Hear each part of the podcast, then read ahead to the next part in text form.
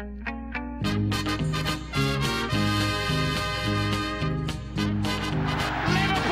are champions of Europe again. Liverpool are prize winners again. Liverpool is in the record books.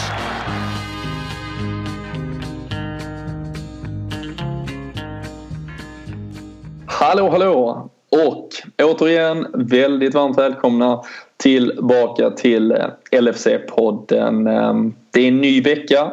Det är sannoliken dags för nya tag.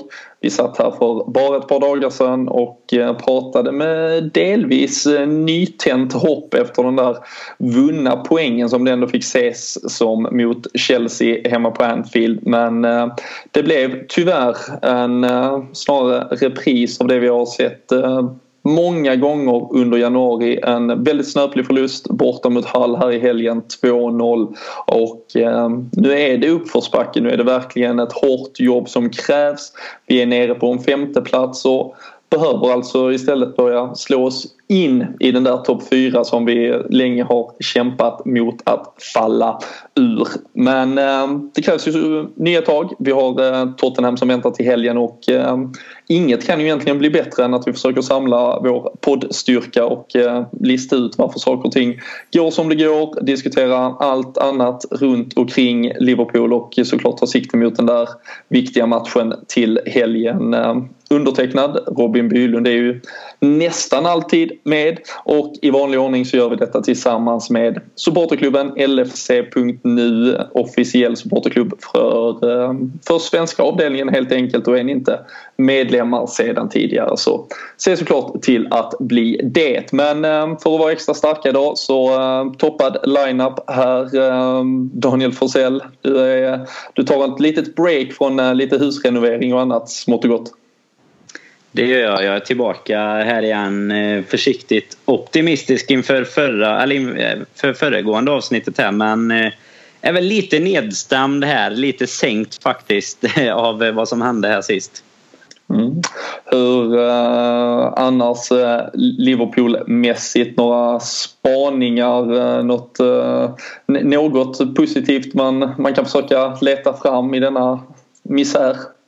Ja, jag väl eh, noterar väl här egentligen att det vi kan ta med oss ifrån eh, gångna veckan som var här. Eh, ingenting som kommer högt uppifrån A-laget egentligen. Men vi, vi gjorde ju en liten pre-match här mot Tottenham. Vårt U23-lag spelade ju mot dem på Anfield här i helgen också och vände ju faktiskt ett 0-2 underläge till 3-2.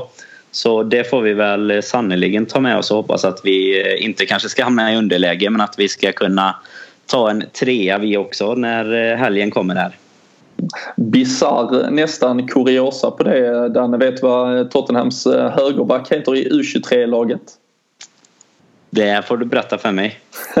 Kyle Walker Peters. Så han heter Kyle Walker Peters helt enkelt. det, det skulle vara Kyle Walker Junior. Då hade det hade varit imponerande tycker jag. Då hade man börjat bli lite rädd kanske. Ja men det är som du sa lite pre-match. Ja, skönt med en seger. Uh, ja. Vi hör ett uh, Göteborgs klingande skratt där i bakgrunden också. Uh, vår, uh, vår, vår tredje man på detta dynamiska mittfält. Jajamän. Ja, det ja, när jag skrattar då vet man att det, då måste det vara jävligt roligt. Då, då har man lyckats. Och det, det vet jag Danne är rätt bra på faktiskt. Så att, eh, det kommer nog bli ett bra avsnitt här. Snyggt. Eh, Danne hade uppenbarligen gjort lite, lite egna spaningar eh, här och försökt lyfta sina egna mungipor åtminstone. Något Liverpool-relaterat utöver förlustmatchen du har snappat upp Fredrik?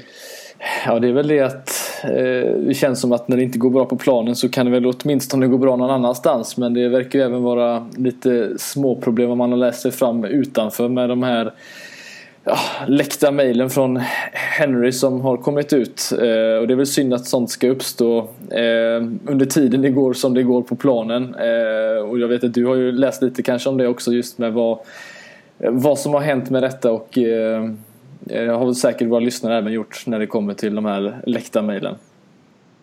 Ja precis och det är ju det är svårt eh, ibland med sådana här källor. Det är ju när det läckta e-mail som, eh, som eh, uppenbarligen har varit både då inledande året här och för, förra året med, med lite presidentkampanjer i, i, i botten kanske. Det har varit väldigt omdiskuterat med e-, e-mail som har varit på villovägar. Men i Liverpools fall här så, så anses det ju då, eller uppges vara Liverpool-mail eller mail från det som kom att bli ägargruppen då Fenway Sports Group och John W Henry som man ska skicka till sina kollegor då i beslutande fattningar eh, i det här konsortiet att eh, Liverpool vid den eh, väldigt prekära tidpunkt som det var när Hicks och Gillette höll på att sätta oss i, i den riktigt, riktigt tunga skiten så, så såg ju då John Henry egentligen investeringsmöjligheten och det kan väl kännas lite positivt, lite negativt. Det, det har ju verkligen sannolikt åtminstone väckt liksom blandade känslor på sociala medier om man följer det. För han, eh, han, han, han utvecklar, han skriver egentligen ett helt e-mail som bara egentligen har rent eh, ekonomiskt vinstdrivande referenser. Han hänvisar till kända investerare med flera som som, som påstår att liksom när, ett, när ett ändå väletablerat företag är billigt nog och ändå liksom kan ha någon framtidsutsikt så, så ska man kanske ibland liksom köpa skiten och, för det finns pengar att kräma ur. Um, han, han använder väl kanske lite mer fackmannamässiga termer men den, eh, hur, hur var din reaktion? Och, jo, ja, vi, vi, som sagt det finns inte någon hundraprocentig sanningshalt bakom det men men mycket har ju ändå också visat att kanske FSG ser det här som ett affärsprojekt. Hur, hur är liksom känslan kring det ändå? Vi har ju diskuterat det förr och beviset här eh, finns väl lite tycker jag i eh, just våran netspend som eh, det nästan delas upp i de här diskussionerna. Netspendarna det är de som tycker om att, eh, att vi har eh, positiva siffror efter transferfönstren. Och eh, det, jag tycker absolut det finns fog för en diskussion men det känns väl också som att diskussionen har uppkommit på grund av eh, att våra, vi har inte så mycket annat att prata om gällande resultat och sånt. Så att då har liksom det stulit all fokus i och med att det är väl många som förväntade sig att vi faktiskt skulle förstärka här under januari. Och, och det hände ju egentligen ingenting. Så att eh, det är väl därav diskussionen kommer upp och att då de här sakerna dyker upp bara några dagar efter att fönstret stängt. Det, nej, det, det kommer säkert diskuteras eh, mycket och än mer om vi inte får spelet på rätt köl här också väldigt fort. Mm. Fredrik, eh, din känsla kring det här att eh, om man då skulle spola bandet att, att vi, vi, vi blev räddade av några ägare med liksom enbart kanske då ekonomiskt ja, ett ekonomiskt vinsttänk bakom köpet av det? Är det något som bekommer dig att, att, att man gick in med den inställningen? Är man, liksom, är, är man för godtrogen om man skulle tro att någon bara kommer in och gör det för den goda sakens skull? Liksom? Nej, alltså det är ju inte de enda ägarna som eh, har tanke på Eh, på att eh, tjäna pengar eller driva en, en, organisation som ska gå framåt egentligen. Det finns väl olika typer av sätt att gå tillväga egentligen bara. Och det verkar ju vara det här sättet som, som är nu att man ska sälja dyrt och köpa billigt eh, och det är så vi ska tjäna pengar. Men jag föredrar ju hellre att tjäna pengar genom att vinna stora titlar än att sälja dyra spelare. Och det, det är väl dit vi kanske förhoppningsvis kommer men som det ser ut nu så är det ju inte riktigt åt det hållet vi har gått under de här åren som, eh, som de har varit vid rodret. Så att, eh, eh, ja, man får väl tacka dem för det de har gjort men det finns ju någon form av ände som man eh, kanske har nått eller är på väg att nå i alla fall. Mm.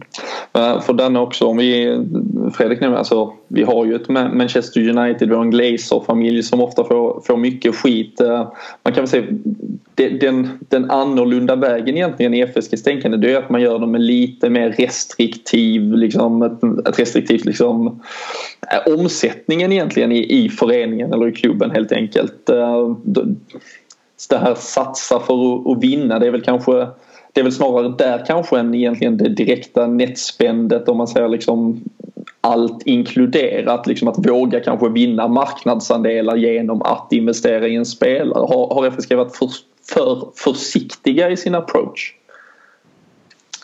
Ja, alltså det tycker jag ju och helt beroende på hur, eh, hur sanningen faktiskt är. Jag menar Klopp säger ju själv att inte eh, det är deras fel utan att pengar finns och att vi inte har... Ja, det finns ingen tillgänglighet på de spelarna som vi faktiskt vill ha. Men jag tycker väl att det, att stå med det här spelarmaterialet eh, det, det är ett problem vi har haft även innan Klopps tid. Alltså vi har ju haft en tunn trupp. Vi har haft reserver och eh, folk som har kommit in när det faktiskt har behövts eh, fullgoda ersättare när det då har kommit in spelare som antingen kanske är lite för gröna, lite för unga eller som kanske faktiskt har gjort sitt åt andra hållet. De kanske till och med har fått spendera lite extra tid i klubben utöver vad, vad de skulle ha gjort och, och det håller ju uppenbarligen inte på denna nivån. Det, det märker vi ju nu och vi kan ju bara jämföra våra trupper mot andra lag egentligen. Sen, jag har ju svårt att eh, liksom gå, gå helt hårt mot FSG när de ändå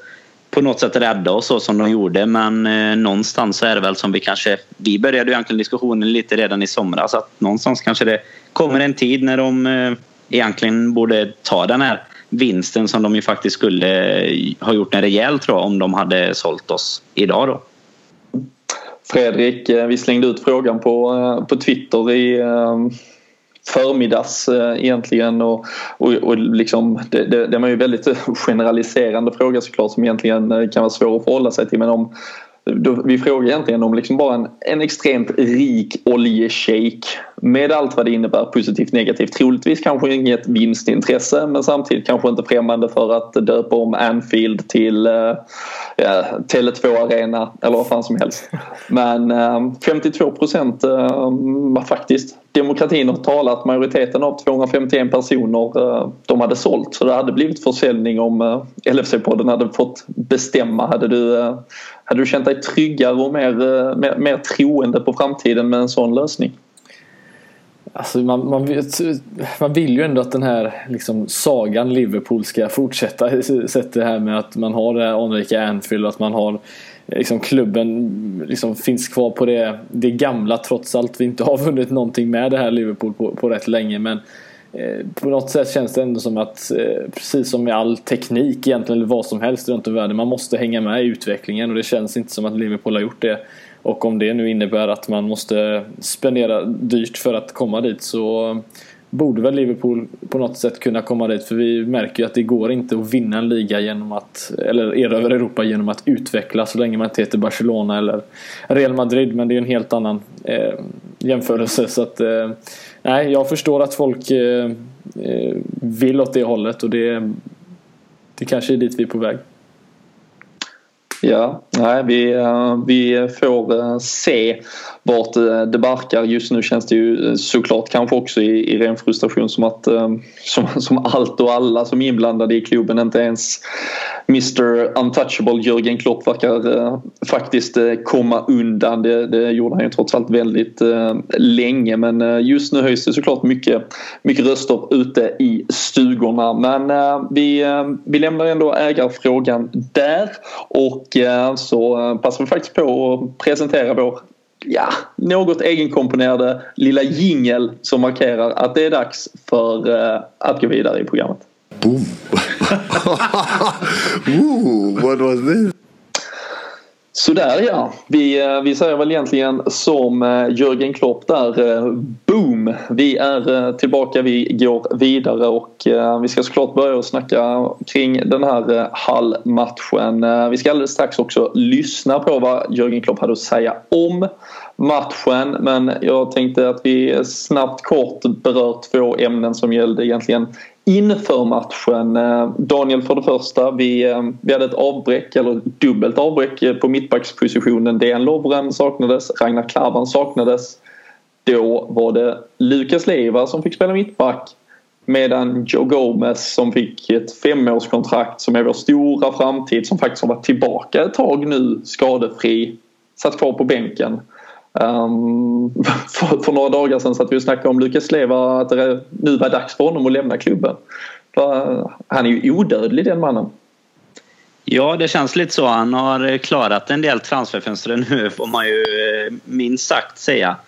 Eh, det förvånade mig ganska mycket och det är väl lite det som jag var inne på innan att eh, det är väl vissa spelare som kanske inte är helt fullgoda reserver även om jag kanske tycker att Gomes inte har varit någon eh, superstjärna de matcherna han väl eh, har fått chansen. De få sedan han kom tillbaka egentligen. Men då känns det ju ändå som att det är bättre att kasta in någon som i grund och botten faktiskt är mittback och som vi kanske kan ha lite mer tro på också. Medan eh, Lukas alltid egentligen har känts som den här lite mer defensiva spelaren.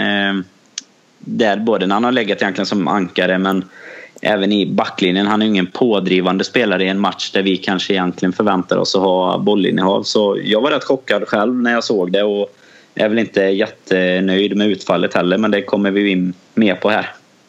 Vad tror du där, väldigt kort kring det Fredrik. Eh, är det, tror du att Jörgen Klopp eh, dags eh, dato liksom rankar Lukas Leva som en bättre fotbollsspelare eh, exakt i denna stund eller eh, är det en Joe Gomez som inte... Han spelar trots allt liksom som sagt eh, absolut sina minuter för U23. Han har gjort sina matcher även i A-laget. Eh, är det hans fysiska status eller, eller fick han enbart det här kontraktet för potentialen han besitter? Är han inte tillräckligt bra än för att göra en sån här match?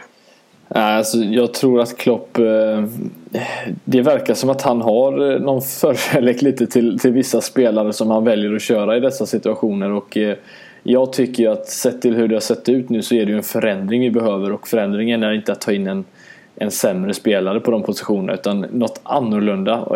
Han erbjuder ju som sagt i detta fallet Gomes mer speed. Så att det hade ju varit en betydligt bättre att hämta in en sån spelare och spela in egentligen nu då med tanke på att vi det är ju fortfarande bara en match i veckan vi kommer eh, spela framöver och då hade det varit perfekt att få in honom. Så jag är lika chockad precis som Daniel att vi inte fick se Joe eh, spela och eh, vet inte riktigt vad det handlar om. Jag vet att Klopp har ju nämnt att det kommer ta tid för honom att komma tillbaka men då förväntar man sig att han inte ska i så fall spela liksom lika långa minuter för U23 utan då ska han ju sitta på bänken där i så fall men det gör han ju inte. Och, hade, och hade en spelare gått i sönder efter eh, sju minuter så hade han ju fått gå in och spela Ja, 83, och då är man ju liksom. redo liksom. Så att det, nej, jag hoppas verkligen att det har att göra med en sån sak för om man tror att Lucas Leiva är en bättre mittback än Joe Gomez eh, på alla parametrar så då håller jag inte med honom.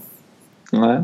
Det andra som fick eh, många att, eh, att sätta eh, lördags eh, antingen fikat eller om man var lite mer eh, tungviktare kanske ölen i, i halsen eh, Danne det var ju att eh, målskytten från eh, Chelsea-matchen och, och kanske den spelare som ändå känns eh, som liksom inte har dippat fullständigt. Eh, Gini Wijnaldum han sattes på bänken utan egentligen någon förklaring, ingen direkt eh, kommentar eh, kring någon skada eller annat. Kom faktiskt inte ens in i matchen så såklart kan det ligga någon hund begraven men, men Emre Can var kvar. Det, eh, och också något som så här i efterhand sannoliken rör upp känslorna. Ja, lika väl som du pratar om att Wijnaldum kanske är den som inte har fallit i någon eh, någon grop riktigt så får man ju säga tvärtom om Chan. Det har vi ju nämnt kanske tillräckligt många gånger men eh, som sagt en av dem som har formdippat mest under den här tunga perioden tycker jag och då eh, som sagt det var inte annat att man eh, höjde på ögonbrynen när man såg att det var han som fick chansen. Och ja, alltså nu, det är klart man inte hoppas att en spelare är skadad men jag hoppas nästan att det är det som ligger bakom att han hade fått någon smäll eller någonting för jag kan inte förstå varför eh, varför han spelar istället för Wijnaldum annars just nu faktiskt. Nej, Nej det är alltså frustrerande på så många sätt och vis eftersom det är en, en sån grej till exempel som att Wijnaldum ska spela över Emre Can. Det är ju det är ju faktiskt något som jag skulle säga 9 av 10 liksom, eh, hobbysupportrar som bara sitter och, och gnäller hemma i soffan som likt vi gör ibland. Men, eh, men det känns som att så väldigt många ser det och det känns som att eh, även resultatmässigt att vi är ett mycket, mycket bättre lag. Jag satt själv och lekte med lite eh, siffror på det där och eh, vi tar ju alltså när vi spelar det här mittfältet med Adam Lallana, eh, Gini Wijnaldum framför en Jordan Henderson så tar vi alltså 2,35 poäng per match. Ehm, I eh, att jämföra med i stort 1,53 poäng per match. Alltså det är nästan, nästan en poäng mer per match vi tar när vi spelar det mittfältet kontra egentligen alla andra konstellationer. Så det är ju verkligen vårt sett tillbaka till hela säsongen så är det ju vårt verkligen bästa mittfält och det som har erbjudit mest kvalitet i båda riktningar egentligen och framförallt som har kunnat hjälpa till i offensiven. Och eh, när man ser det och jag tycker att man ser det så extremt tydligt så blir det som du säger att man nästan hoppas att det verkligen finns någon anledning. För det var ju faktiskt bara så att Jörgen Klopp egentligen dagen innan den här halvmatchen var ute och på något sätt försvarade Emre Chans tidigare det. Han var ju själv ute och pratade om den att den skulle ha berott på lite skadeproblem som han har haft och att liksom i, i den ekvationen att Emre Can dels är dålig just nu att han uppenbarligen har haft skadebekymmer och så går han ändå före den som liksom nyss har gjort ett mål, verkligen är på gång och liksom visar lite initiativ. Det, det får ju en att äh, faktiskt ifrågasätta lite hur, hur tankegången går och, och vad man känner att Emre Can bidrar med. För uh, till syvende och sist när vi summerar 90 minuter mot eh, Hall så, så det som Lukas Lever och Emre Can bidrar med att de spelar bollen över sidlinjen uh, helt o, ostört egentligen vilket leder till en hörna i första halvlek som vi släpper in mål på. Lukas Leva är ju högst delaktig i ett väldigt taffligt försvarsspel tillsammans med Joel Matip på, på 2-0 målet. Så det är, visst, vi fungerar kanske inte fullständigt som lag men det faller ofta också tillbaka tyvärr till individuella misstag vilket vi också pratade om för några dagar sedan. Men eh, vi ska snacka mer om den här halvmatchen men vi börjar med att lyssna på vad eh, Jörgen Klopp hade att säga direkt efter slutsignalen. Um, the assessment. We gave easy goals away. We didn't play the first half as we should have played. Especially when you saw then the second half, and when you think then that um, if we played from from the beginning like this, with this direction, with this speed, with this um, kind of greed and all that stuff, then I think it would, would have been really difficult. It's not sure, but it would have been more difficult for Hull then to to to cope with this gave the first half away, and from from results side, we gave the second half away because we put ourselves with the first half under pressure. The second half, then uh, we had the chances, yes, and um, but good goalkeeper saves, passionate defending of um, of Hull in the 16, 18 yard box, in the six yard box, and uh, leg here, leg there, block there. Um, and then we have an easy counter attack away again, and so 2 0. And um, so I said it already a few times, so um, we have to take all the criticism. A week ago, in, the, in not even a week ago, in the press conference when I spoke about um, um, expectations and so on in Liverpool, and say, "Come on, it's allowed to, to have a positive look on the on the situation. We are still fourth in the league and everything like this." And after a game like this, actually, it's not allowed to, to say something like this because we we accept we expect more from from from ourselves, and we have to show more than we did today and um, it's my responsibility. Yes Fredrik, eh, Klopp eh, väldigt eh, nersjunken. jag tror till och med det hörs genom högtalare så när man lyssnar på det i detta forumet. Men ser man videon så, så vill han nästan krypa och gömma sig. han pratar visserligen, om vi tar det lite kronologiskt, han pratar visserligen om att vi gör en kanske lite bättre andra halvlek. Vi, vi försöker, vi skapar en del chanser men, men att vi liksom har vi, vi var så pass usla första halvlek att vi, liksom, att, att vi var för pressade och att det, liksom, eh, att det då inte räcker. Och um, hur känner du kring insatsen? Liksom, var det här en typisk Liverpool-match om vi klumpar ihop de här Swansea, uh, Southampton, Wolves? Ja, alltså jag tycker att den här är ju mer typisk Liverpool-match än, än Swansea för där kom vi ändå tillbaka och med får vi ändå säga lite otur eh, i studsen fram till eh, Sigurdsson som gör det här 3-2 målet. I den här matchen, där tycker jag jag har sett, jag vet inte hur många gånger jag har sett den här typen av match där vi där vi är en sömnig andra första halvlek mer eller mindre men trots allt så, och inget lag egentligen bra, så är det vi som går in med ett måls underläge. Eh, kommer in i andra, pressar på eh, och så är det en sån här match där vi har några väldigt, väldigt bra lägen skulle jag säga. Framförallt sett till hur ofta vi var inne i straffområdet och, och hade bollen. Men bollen kunde inte hitta nätet och att det, det inte slutar 1-0 utan just slutar 2-0 efter en kontring liksom i 90, 80 vad det nu var. Eh, det, det, tycker jag är den mest typiska Liverpool-matchen de senaste tio åren som vi, man kan hitta. Och det, eh, det var nästan så att man kunde gissa vad som skulle hända för att det, man har sett detta lite, lite för många gånger nu. Eh, så jag tycker nog nästan att det här är eh, den mest typ, typiska Liverpool sett till negativitet och dåliga matcher vi har sett eh, på senare tid. Danne, man pratar ju mycket om, eh, eller det har varit mycket snack om det här med att eh, Jörgen Klopp inte verkar ha någon plan B. Han kan inte låsa upp de här lågt sittande försvaren. Eh, men tycker du att Hall egentligen spelar, spelar de ett extremt liksom eh, handbollsförsvar? Eh, för min känsla i alla fall det, det är att den här matchen ändå särskilde sig. Det var lite mer ytor men snarare att vi, vi faktiskt var dåliga på att utnyttja dem. Ja, så är det ju. Det är ju, tycker jag, rätt stor skillnad mot de här andra matcherna. För eh, både det är att Hall pressar lite högre, de vågar dessutom gå framåt lite mer tycker jag när de själva anfaller. Så jag eh, tycker väl att Eidefors beskriver det rätt bra. Detta är lite mer av den typiska jobbiga förlusten som vi faktiskt eh, tyvärr då några gånger under de senaste åren här åkt på efter en kanske lite upplyftande insats mot något topplag. Det som har lite hängt med eh, både under Klopp och Rogers och Benitez och även Hodgson och Daglish däremellan egentligen. För jag vet inte, jag, jag, tycker inte alls att de eh, ställer något handbollsförsvar på det sättet. Vi har ju inte någon överlägsen bollinnehav, alltså om man tänker Burnley och de här matcherna heller. Så jag tycker väl att det här nästan är mer oroande att vi inte lyckas eh, få med oss någonting från en sån här match där vi ändå kanske bjuds på lite mer än det här som du är inne på då som eh, folk verkar ha läst lite med vårt spel då, att vi inte kommer igenom de här täta försvaren. Men det är just att det finns, för, om man får säga just från den här matchen, det finns ju inte och nu, nu kanske det finns risk att man låter överdrivet negativ men det, det, hade jag varit tränare så hade det inte funnits någonting positivt från den här matchen. Det finns inte en enda sak som var bra som man kan tänka, ja men okej vi tar med det här till nästa match. Det var ändå helt OK. Alltså det här var det finns ingenting bra att ta därifrån. Från Swansea, ja då kan du ta med att vi, vi kämpar in två, till, till ja, två mål för att komma tillbaka. Men det här är det här är så uselt så att det kan liksom inte bli sämre skulle jag säga. Och det är bland de sämsta matcherna vi har spelat i år, om inte eh, den sämsta egentligen. Och det, det, det frustrerar mig och det gör mig lite smårädd för framtiden för att det finns ingen förändring eh, trots att det här har pågått nu ett, eh, ett bra tag.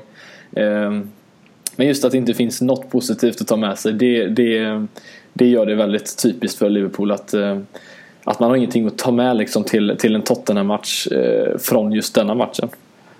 Nej, jag, eh, jag har ju knappast blivit eh, erkänd som den eh, stora optimisten i, eh, i, i det här sammanhanget. Jag, jag tycker väl dock eh, faktiskt, eh, vi ser ett par gånger att Sadio Mané trots allt utmanar. Han vill förbi, han blir nerriven två gånger där vi får ganska farliga frisparkssituationer om än ner mot kortsidan där de blir varnade det bryter åtminstone ett mönster eh, men det är inte sagt att han kommer undan eh, försvars, eh, fullständigt försvarad med sin insats i, övrigt. Men, men det som du säger Fredrik och jag, jag tog mig ju det fantastiska nöjet att sitta och se reprisen av den här matchen här under, under måndagen och Eh, och det som just för att se liksom den här ja, handbollssnacket, nu faller vi tillbaka på det men, men det är extremt många gånger och eh, vi har pratat om det förr med en spelare som till exempel Nathaniel Klein så, som är så feg och så passiv att varenda gång han har chansen att gå framåt så vänder han tillbaka i banan.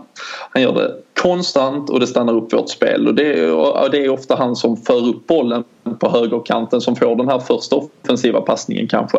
På vänsterkanten så gör Filip Coutinho egentligen exakt samma sak. Han har inget intresse av att själv gå ner längs den vänsterkanten. Han vill ju in i banan och det är bara de få gångerna där James Milner kommer på en vettig överlappning han kan sätta ner den och försöka sätta lite fart på det. Utan annars så vänder han tillbaka in i mitten hela, hela, hela tiden. Och när han uppenbarligen är ur form, vilket han är just nu, så har han ju inte heller ett skott som kan hota. Han har inte, inte någon liksom skärpa i den avgörande passningen. Så det egentligen så blir det bara att han drar in den i mitten och så spelar han hem den till Jordan Henderson och så är vi tillbaka på noll och skapar egentligen det här läget för motståndarna att försvara sig. Och, eh, och på inom mittfältet så Emre Can står bara dräller med boll och Jordan Henderson just nu spelar egentligen exakt i den här ja, nästan liksom rollen som man stod och, och, och hånade lite inledningsvis att han spelade i sidled och bakåt och sådär. För just nu så är det ingen kreativitet liksom för där finns en rörelse till det heller men, men vi, vi där är så himla, vi är så himla rädda för att liksom göra det oväntade för att liksom lägga den där djupledsbollen för att sticka in den på ett.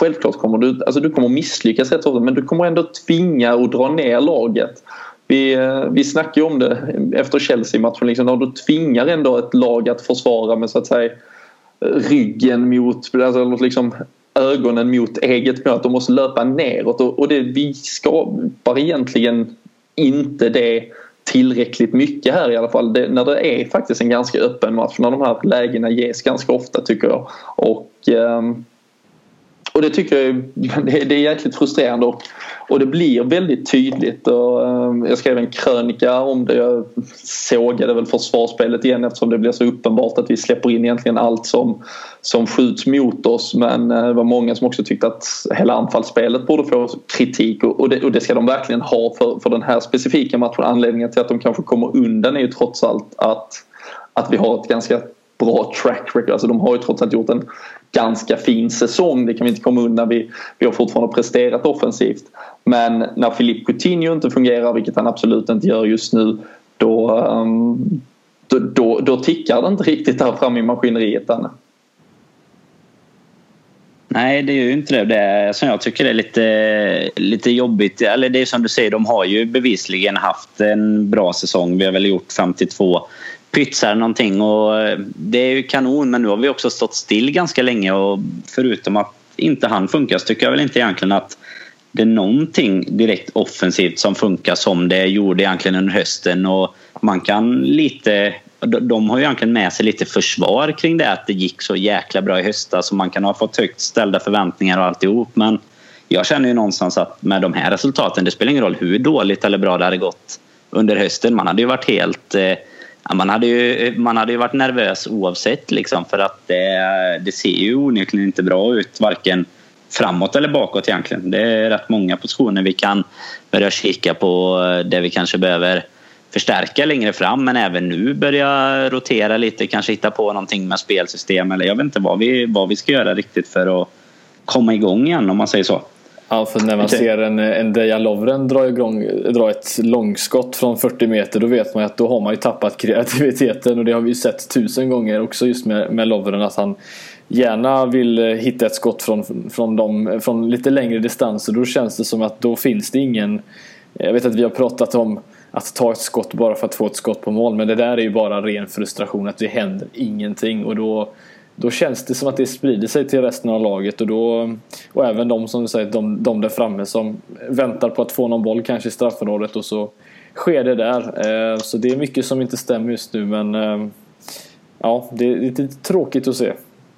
De skotten du är inne på där tycker jag ju är mycket med att när man möter det vi pratade om innan, alltså ett handbollsförsvar mot Wolves till exempel, då tycker jag det kan vara viktigt att ta lite skott för att locka upp dem. Men i den här matchen tycker jag inte vi har det problemet riktigt utan här är det snarare brist på kreativitet eller påhittighet eller vad man ska säga. Vi, vi kommer liksom inte, som du är inne på Robin Coutinho, försöker med samma sak hela tiden och det funkar inte och då börjar vi om igen och det, vi kommer liksom ingenstans. Vi bara står still trots att de egentligen inte på något sätt ställer sig eh, hemma liksom. Hur, eh, hur, ska man, eh, hur länge kan man vara förlåtande där eh, Fredrik mot att man såklart haft en bra höst? Det, det, det är ju ganska tog del av ganska bisarr statistik egentligen att nu 2017 är ju egentligen vårt, vårt, vårt sämsta, liksom sämsta starten på ett kalenderår sedan 1954 men vi är fortfarande faktiskt 12 poäng före samma stadie som i fjol. Det, liksom det, det sätter ju perspektiv såklart på hur extremt bra vi, vi har varit men också liksom poängterar hur extremt usla vi är nu. Är det, är det faktiskt dags att eh, vi kan ju alltid välja vad vi vill snacka om men är det också dags att liksom eh, Jörgen Klopp, ledarstaben, att egentligen allt och alla att, att det är mer än bara liksom eh, en eller två brickor i försvaret som ska ändras. Att det krävs att vi faktiskt förändrar vårt anfallsspel radikalt. Om än att det nu liksom, det här var första matchen med de här fyra tillbaka offensivt som man har pratat mycket om.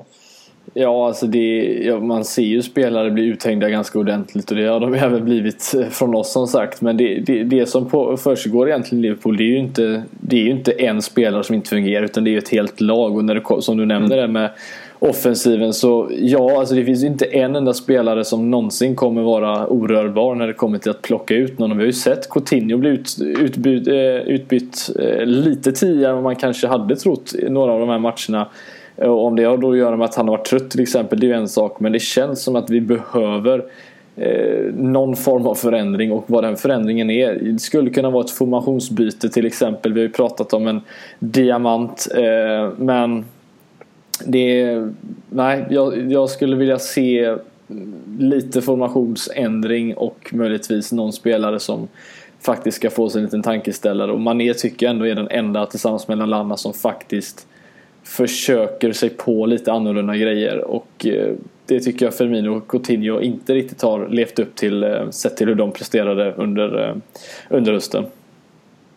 Du är inne på, eller eh, ni, ni båda nämner egentligen det här med att ta skott inte och jag tänker vi ska absolut inte diskutera faktumet att just ta skott men, men något man märker väldigt tydligt i Liverpool också det är att vi är extremt Dels vet vi ju att vi är väldigt, väldigt eh, sköra vad gäller ett omställningsspel. Vi blir straffade i stort sett varje gång.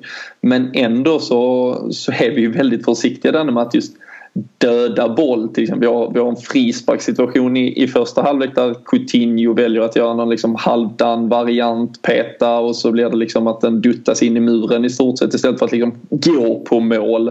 Vi, vi har en situation, eh, ja, Sadio Mané tappar visserligen boll innan deras eh, 2-0 mål.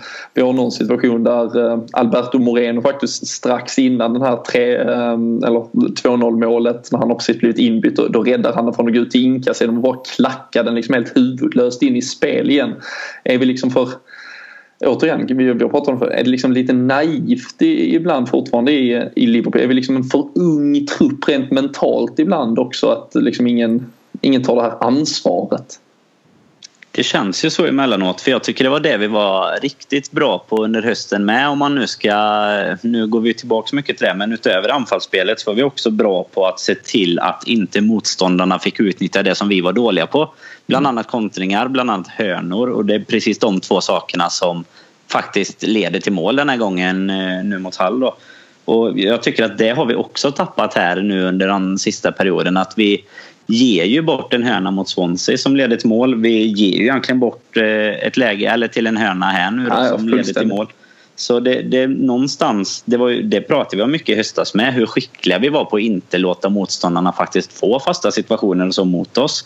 Eh, och det gäller ju någonstans på samma sätt som du säger i offensiven, att istället bara döda. För att nu har vi ju nu har vi åkt på, jag vet inte hur många kontringsmål det sista och vi verkar ju fasen aldrig lära oss.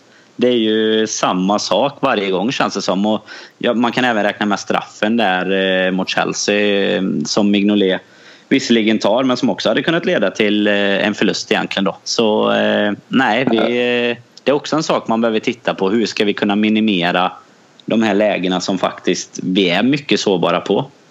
För det är ju faktiskt fyra, som du säger, det är egentligen fyra raka matcher där vi har eh, Halls eh, 2-0 mål, vi har Wolves 2-0 mål, vi har då som du säger Diego Costa när han löper igenom och får den här straffen i Chelsea-matchen och så har vi ju Shane Longs uh, definitiva avgörande där i ligacupsemifinalen. Så det är fyra raka matcher där vi har mm ja, alltså, åkt på det så att säga. Fredrik, du har varit inne på det förr. Vi kan ju stanna lite vid med och försvarsspelet vid de här situationerna. Eh, denna gången då återigen nykomponerad eh, mittbacksduo och eh, vi hade kanske förlorat matchen redan tidigare men här står man på halvdistans igen. Eh, både Lukas som stöter egentligen stöter eh, först missbedömer den och eh, Matip som ska falla faller inte ens tillräckligt heller för att liksom kunna avvärja och, och så kommer Mix dessutom ut på eh, andra hand där. Ja, alltså det, det kanske inte ser lika illa ut rent utseendemässigt. Eller för, jo, jo, det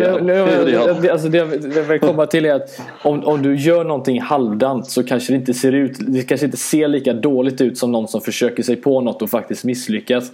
Hade, alltså Lukas och Matip i den här matchen var verkligen så här Ska jag göra det? Ska jag inte göra det? Ska jag? Och då, då ser det kanske inte lika dumt ut eller lika illa ut när det kommer till hur det ser ut att försvara.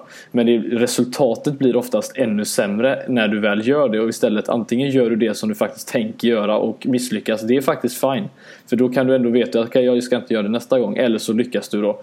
Men i detta fallet så är det på tok på många gånger jag tycker att det känns som att det är halvdant och vi släpper in en boll och då, det ser inte på samma sak som som om de skulle göra liksom någon glidtackling och misslyckas på det sättet. Och det är på tok för ofta och det är deras friläge som Abel Hernandez missade. Samma sak där och det, det, har hänt i flera andra matcher också när man egentligen låter dem hitta lägen och det, det, det spelar egentligen ingen roll vilken spelare som har varit där. Det känns som det hade hänt ändå. Ehm. Och, och, det är ju faktiskt, jag skulle precis nämna det för det är ju faktiskt exakt det faktumet vi står inför nu eftersom det har varit det är två ligamatcher där vi har faktiskt haft olika eh, konstellationer och det är ju dessutom två cupmatcher med ytterligare konstellationer. Det är ju Joe Gomez har varit involverad, Klavan har varit involverad, Lovren, Lukas, Matip. Det, det är så fem mittbackar som som sagt i, i olika kombinationer inte har kunnat försvara eh, i de här situationerna. Såklart, det börjar ju såklart mycket längre upp och det, det nämner ni ju både och. Dels i att inte tappa boll, dels hur ett centralt mittfält kanske också ska formera sig. Men eh, Daniel Klopp nämnde ju dem, om ni nu behöver spola tillbaka men i den här liksom, eh, efter presskonferensen eller i presskonferensen att återigen easy counterattack. Eh, det är kanske också dags att han på allvar tar ansvar för det här nu och, och minimera den här risken. Ja, det är han som ska ha eh, de här eh, nycklarna till låsen om man säger så. På, eh, han är ju någonstans som han har tagit på sig några matcher på rad. Här tar han ju fullt ansvar för det men det, med all rätta egentligen. För någonstans måste de ju se till på träningsplan också att det inte ska ske egentligen. Det, så enkelt är det ju. Att det är ju det som är deras jobb på veckorna när, det, när de inte spelar match. Att det gäller att se till att var är vi sårbara? Vad behöver vi lösa bakåt också. Man kan inte bara titta framåt eh, för där har det ju redan sett så pass bra ut även om vi har våra problem där också just nu då. Mm. Fredrik, tror du han saknar Mats Hummels någonting? Jag tror han saknar eh, rätt många spelare faktiskt. Eh, det, det är återigen, man får nästan säga att vi har överpresterat sett till att vi har pratat om hur truppen ser ut. Det, det, det finns ingen, jag vet, jag vet inte vem var det som skrev en krönika eller på någon eh, journalist som skrev just det med världsstjärnor i, i laget. Alltså, vi har ju egentligen ingen som rankas där uppe. Coutinho är väl så nära du kanske kan komma men han är på tok för ojämn för att ens räknas där skulle jag säga. Men jämfört mm. med de andra lagen så har vi ingen världsstjärna. Det hade han i, i Dortmund. Han hade flertalet av det skulle jag säga. Så att, eh, jag tror han saknar rätt mycket men om det är då han som håller tillbaka för att köpa spelare eller investera i, i de där typen av världsstjärnor så förstår jag inte riktigt hur den här podden kommer fortsätta om vi ska sitta här och prata om eh, liksom, potentiella världsklasspelare som Klopp vill ha men som han faktiskt inte väljer att köpa eller eh, gå efter. Så att, eh, nej, jag tror han saknar mer än Hummels faktiskt. Och man känner sig faktiskt, jag tycker du, du är inne på det, för man känner sig ju, alltså, alltså man vill ju verkligen och, och man, man, gör ju det i, i väldigt många av uh, dygnets vakna timmar. Liksom, man, man, gillar ju Jörgen Klopp och man vill ju extremt mycket att uh, han ska få allting att fungera i Liverpool. Men liksom, ska man ändå ska man då lita på honom och ta honom på orden att det faktiskt är han som har valt att inte investera då, då, då, är det ju faktiskt han man blir frustrerad på. Sen, sen kommer man alltid att kunna sitta och spekulera och det gör man ju nästan för att man man vill så gärna tro något annat om honom. Att liksom, nej men det säger han bara men egentligen så är det FSG som inte skjuter till pengar. Men, men ska vi tro honom att pengarna fanns men att han inte valde att göra något. Du ska ha en lång lista innan du väljer att behålla det försvar som vi har idag. Uh, liksom det, ska vara, det ska vara många som tackar nej. Och uh, där kan jag väl känna att vi vi såklart nu återigen med facit han borde ha kunnat gjort, gjort mer. Och vi har diskuterat det så mycket också så vi ska inte heller bli långrandiga kring det. Men Danne vi körde ju en liten eh, SIFO-mätning på, på poddens eh, Twitterkonto också. 327 personer som eh, svarade på den. Och det var hur, hur många spelare ur den här backlinjen om vi räknar den ordinarie på något sätt eh, Mignolet tillhör då Eh, den femman där som, som målvakt men annars Milner, Lovren, Matip och Klein. Eh, man fick välja på ingen av de här spelarna var liksom bra nog för att stanna till nästa säsong. Eh, en till två, tre till fyra eller eh, alla. Vi skulle behålla hela gänget. Va? Innan jag drar resultat, vad hade du svarat på? Jag hade svarat, att eh, om man tänker eh, sådana som jag vill ha med i elvan så är det egentligen Matip och Klein. Eh, Klein gärna med lite konkurrens för att jag tycker inte att han har spelat särskilt bra det sista. Men jag tycker att han har potentialen för att vara en, eh, en bra högerback i vårt lag. Han behöver våga lite mer. Matip tycker jag visat tidigare egentligen under säsongen eh, varför eh, han ska vara där. Han har inte gjort det det sista här nu. Men där besitter han absolut potentialen. Men eh, de andra eh, positionerna eh, söker jag gärna lite förstärkning på här. Mm. Fredrik, går, går du motströms eller landar du i samma kategori? Jag, jag, jag svarade faktiskt på den och svarade en till två. Nu hade det funnits alternativet en så hade jag nog valt det för det går nog snarare mot ingen än mot två spelare om jag ska vara helt ärlig. Jag tycker att eh, Klein har ju varit stabil i sin Liverpool-karriär. Alltså eh, sättet att han, eh, han tidigare inte gjort så mycket misstag på det sättet men jag har aldrig varit ett stort fan av honom sett till det. Jag tycker han är för feg, jag tycker han har för dålig bollkontroll. Tycker inte han är en särskilt bra offensiv ytterback. Eh, och Milner som kanske är en bra offensiv ytterback är ju desto sämre eh, att försvara och eh, målvakt och partner till Matip det, det har jag ingen som känner att det här, det här litar jag på. Så att eh, Matip är nog den enda jag skulle kunna tänka mig att eh, bygga någonting kring. Eh, men då skulle jag även vilja ha in någon som kanske är bättre än honom eller en annan typ av mittback som är den här stenhårda som verkligen eh, kan ja, bygga upp ett försvar. Eh, så att eh, en av fem skulle jag vilja ha kvar om jag skulle fått eh, välja faktiskt. Ja men då, eh, då fungerar ju ni två egentligen som ett ganska bra sample size här för vad eh, övriga hemma i stugorna tycker helt enkelt. Eh, en till två, det var ju det alternativet. Det fick 81% av rösterna.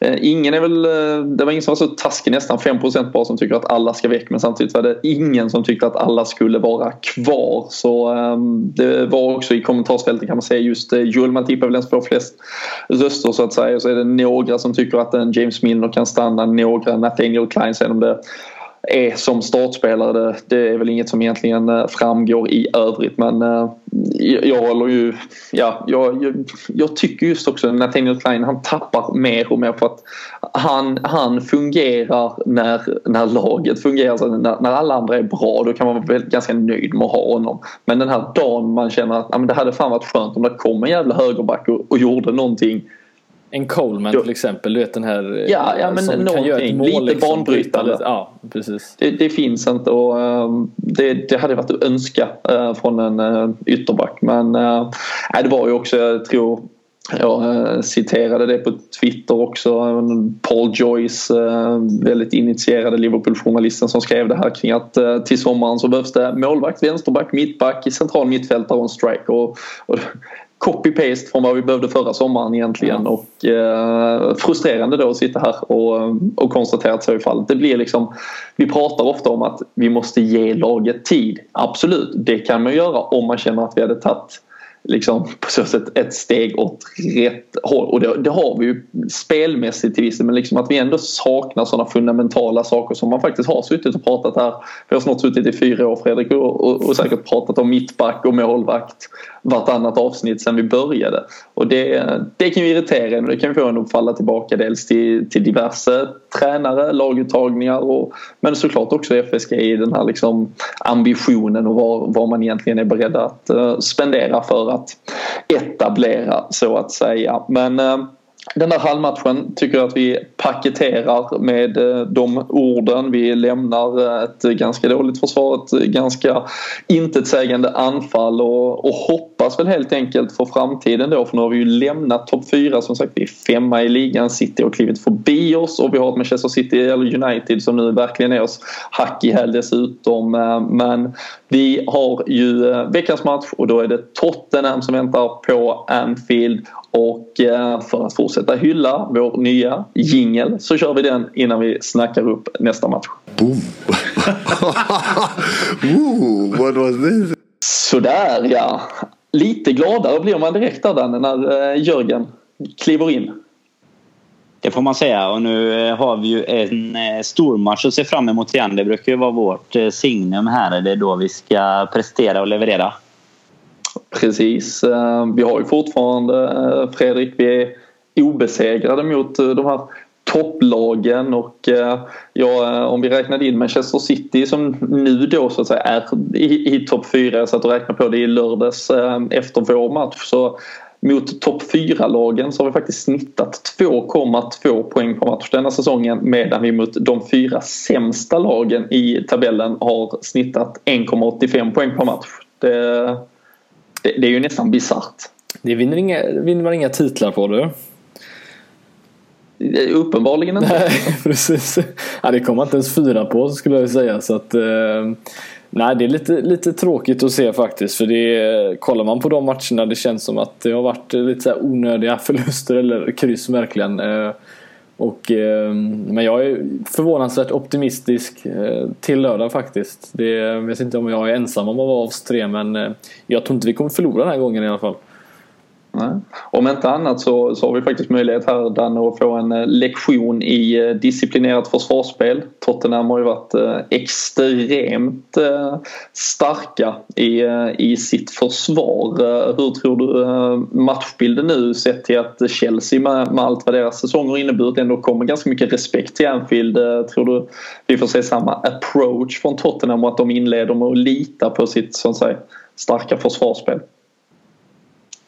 Ja, jag tycker det är svårt att se faktiskt om hur de kommer att ställa upp. För jag gillar alltid att möta Tottenham. Jag tycker alltid att vi spelar bra mot dem. Och eh, det ligger väl kanske lite ifrån säsongen där 13-14 när vi hade någon riktigt bra match mot dem. 4-0 och 5-0 på, på två matcher.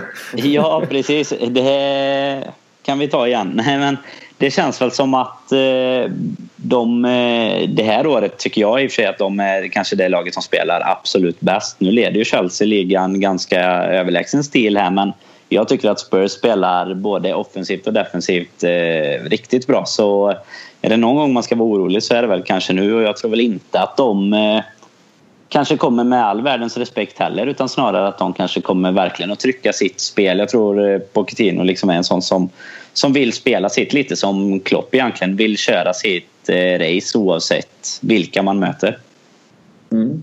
Vad tror du eh, Fredrik? Som sagt det är Tottenham som alltså bara släppt in 16 mål den här säsongen. Man är faktiskt bäst men till och med bättre än, eh, än Chelsea på det här. Och ehm, eh, de kompletterade ju sitt lag bland annat med en eh, Victor Wanyama som eh, som sannoliken, jag läste nyss också att han har, han har inte förlorat, eh, visserligen en hemmamatch, men han har inte förlorat en hemmamatch på jag tror det är 20-25 matcher varav 13-14 nollor. Ehm, ja, men verkligen varit en bidragande faktor till att de har stabiliserats. För vi har ju faktiskt först suttit och ibland pratat om Tottenhams höga linje. Just de har varit ganska lätt att kontra mot på så sätt. Men, men de har ju hittat ett, ett grundspel och eh, med Liverpools just nu icke-fungerande offensiv så, så känns det som eh, även om vi höjer oss i stormatcher så är det här en match att faktiskt frukta lite eller?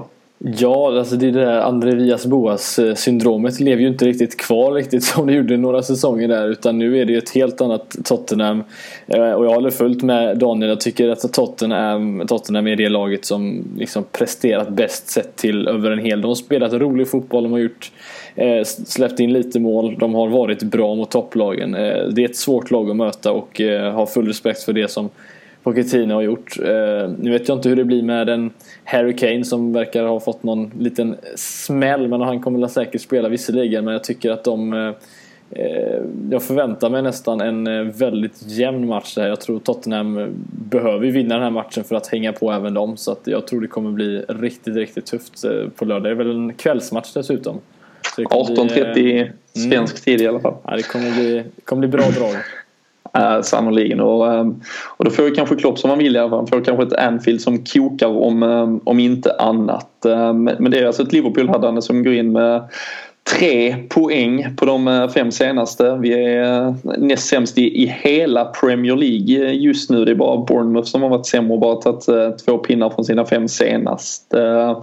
Ska man, eh, kan vi fortfarande lita på vårt så här stormatchsfacit eller eh, skulle det här kunna vara liksom eh, knäcken nu att vi, att vi faktiskt bara sulas av banan helt plötsligt? Finns det, finns det en risken innan vi börjar se på vad, vad vi har för möjligheter?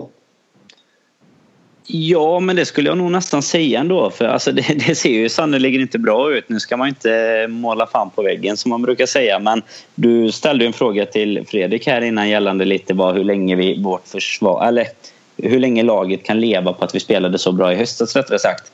Och, eh, och jag tycker väl egentligen att det är fram till nu. Nu är vi borta från topp fyra. Nu måste vi verkligen leverera själva för att komma dit igen.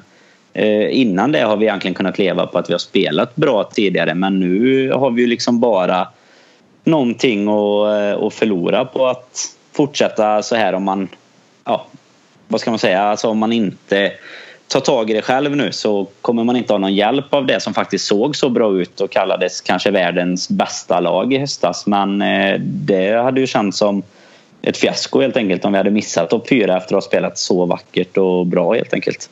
Mm. Och vi har ju som sagt ett eh, United-hack eh, i häl. Det är en poäng som skiljer där. Eh, de möter Watford hemma i helgen. Skrällde ju visserligen mot, mot Arsenal här förra veckan men skulle de ta tre poäng, vilket de bör göra kanske så och vi inte gör det så, så är de förbi oss och skulle vi rent av förlora och Everton går att vinna Fredrik då, då är de bara tre poäng ifrån oss och, och en sjunde plats är fortfarande liksom skulle kunna vara aktuell redan om några veckor. Det, tvära kast från, från det som var så fantastiskt. Ja, och vi, eh, man kan ju gå tillbaka och säga att vi inom loppet av tio dagar så sa vi för några, ja, några veckor sedan att ja, då kan vi vara utanför topp fyra och nu sitter vi här. Eh, så att det eh, Nej, man vill inte tänka de tankarna men sett till hur det faktiskt ser ut så, eh, så ja, det, det finns tyvärr en risk att det kan hända och sett till eh, Lukaku sprutar in mål som han har gjort nu senaste så eh, kan ju de även de jobba i kapp så att vi behöver ju vinna. Det är ju egentligen det allting handlar om. Vi vinner ju inga matcher, vi kryssar eller förlorar. Så att tre poäng är livsviktiga här framöver och jag hade ju varit fantastiskt skönt om man kunde komma iväg här med en, en trea på hemmaplan mot Tottenham och eh, jobba vidare därifrån. För det är precis vad vi behöver. Vi behöver bara vinna en match oavsett hur det egentligen ser ut. Ja, ja, ja verkligen. Så bara, ja, som du säger, bara vinna i Premier League igen eh, för första gången 2017 skulle ju eh, åtminstone känna att man på allvar, nu, nu kände man och man trodde väl på något sätt att den här Chelsea-matchen ändå var en start på något men eh, det kom ju eh, med buller och bång eh, av sig här mot Hall. En fördel eventuellt skulle kunna vara Danny Rose, vänsterbacken i Tottenham som har varit så, så bra, lär missa matchen och Ben Davis är ju troligtvis då vänsterback istället i Tottenham och, och där har vi ju en Sadio Mané som skulle kunna ställa till det lite för för som sagt, med tanke på hur bra Tottenhams försvar är så är det ju inte, här är det verkligen inte läge att bli statiskt. De kommer ju trivas väldigt, väldigt bra om de får bara stå och styra och ställa. Så vi, jag tror vi måste sätta fart, vi måste våga, vi måste våga bryta mönster. Jag hoppas verkligen att om det nu har varit några skadeproblem att Gini Wijnaldum är tillbaka. Annars hoppas jag bara att Klopp har fattat att det är han som ska starta så att vi får löpningar in i box också och inte bara en liksom Emre Can som står och sprider bollar kring sig. Ehm, och, och, och generellt var också egentligen det kanske också har varit lite liksom fegen. Vi har känt att inget har funkat och så har man låst sig. Vi har känt att vi ändå var uppe i topp fyra. Men liksom, som du nämner Fredrik, nu mentala spärrar och allt. Det är bara att släppa det. Vi är inte topp fyra längre. Vi kan inte leva på vad vi har presterat. Det är dags, det är dags att börja visa nu. Vi har ju egentligen, alltså vi har 14 matcher kvar att spela den här säsongen. Det är de här sista Premier League-matcherna. Det är vad vi har. Vi är inte kvar någonstans. Vi ska inte göra någonting annat. Det är vad vi har på flera månader innan det är sommaruppehåll. Liksom. Så varenda spelare, varenda, och där handlar det såklart mycket om att rannsaka sig själv också. Vi kan prata ägare, vi kan prata Jörgen Klopp, vi kan prata mycket annat. Men någonstans går det såklart också ner till varje individ att här och nu bara få fan sätta ner foten och, och, och höja sin jävla insats. Och eh, nu märker jag att jag blir upprörd när jag pratar om det. Men, eh, men, men, jag tycker också alltså det, där någonstans kommer ändå en professionalitet som du du, du ska fan också kunna se liksom, eh, jag tycker när du går på stan som spelare ska du kunna se liksom eh, Liverpoolborna i, i ögonen och ändå säga att man har, man har gjort, att man verkligen har försökt och, och, och där känner jag någonstans att vi, vi har, det känns inte ens som att vi riktigt har försökt. Det känns som att vi inte liksom har ens gett hjärtat där i slutet och, ehm, och det hoppas jag att vi åtminstone får se och att, alltså, att en Filip Coutinho vågar ta det här avslutet som han har tvekat mot att ta de senaste veckorna. Att vi vågar sätta bollarna, att vi vågar ta löpningarna och eh, sen att vi kanske är lite mer eftertänksamma och återhållsamma i vårt försvarsspel när vi, när vi förhoppningsvis då trycker på här. För där är ju det också som jag tycker har varit det stora problemet i försvarsspel. Det är ju att varje gång vår offensiv inte klickar så är försvaret för dåligt för att ens liksom fixa ett oavgjort i stort sett. Liksom att ens hålla... Har vi bara 0-0 mot Hall inför de sista tio då, då kanske de liksom knappt ens sticker iväg på den konten. Alltså då kanske de bara skickar iväg den bollen i ren panik istället. Och där är ju ett stort problem. Det är ju de här liksom insläppta bollarna som gör att vi blir jagande. Och eh, nej, vi, vi ska ju... Fan, det, det, det är dags Danne att vi, eh, att vi lyfter detta här. Är det, är det något annat du vill säga liksom, konkret, några enkla förändringar? Nej, alltså jag är lite kluven eh, i målvaktsfrågan nu igen. Jag tycker att eh, Mignolet börjar, eh, börjar vackla. Jag tycker, jag tycker det är lite sorgligt att varje gång han liksom blir trygg, eller vad man ska säga, när han har spelat in sig i laget igen så börjar han att visa varför vi inte riktigt litar på honom, tycker jag. Och eh, nu kanske jag inte hade bytt här direkt till eh, lördag, men jag tycker att han eh, också är en som definitivt måste höja sig extremt för att få fortsätta spela egentligen där det kanske någonstans ändå är så att Karius fortfarande är tänkt till att vara den här ettan på sikt och ja, det är svårt att säga när läget är att släppa in honom. Det är ju inga kuppmatcher kvar att lufta honom i och nej, vi får väl se men där, där är jag själv lite kluven just nu faktiskt. Det är väl supertydligt också, eller typiskt också att eh, Loris gör sin karriärs sämsta match för två matcher sen. Eh, är borta där och eh, får hålla nollan sen mot Middlesbrough Så nu inför den här matchen. Eh, Eh, så inte bara vi som hade problem på målvaktssidan men de verkar ju komma, komma tillbaka på ett helt annat sätt än vad våra målvakter gör. Utan där är det verkligen, går det utför så fortsätter det tills du blir bänkad mer eller mindre. Och det är ju inget sunt, eh, sunt för målvakter att leva på det sättet heller. Så att, eh, men eh, nej, det blir väl Mignolet som får fortsätta med detta. Det känns väl så va?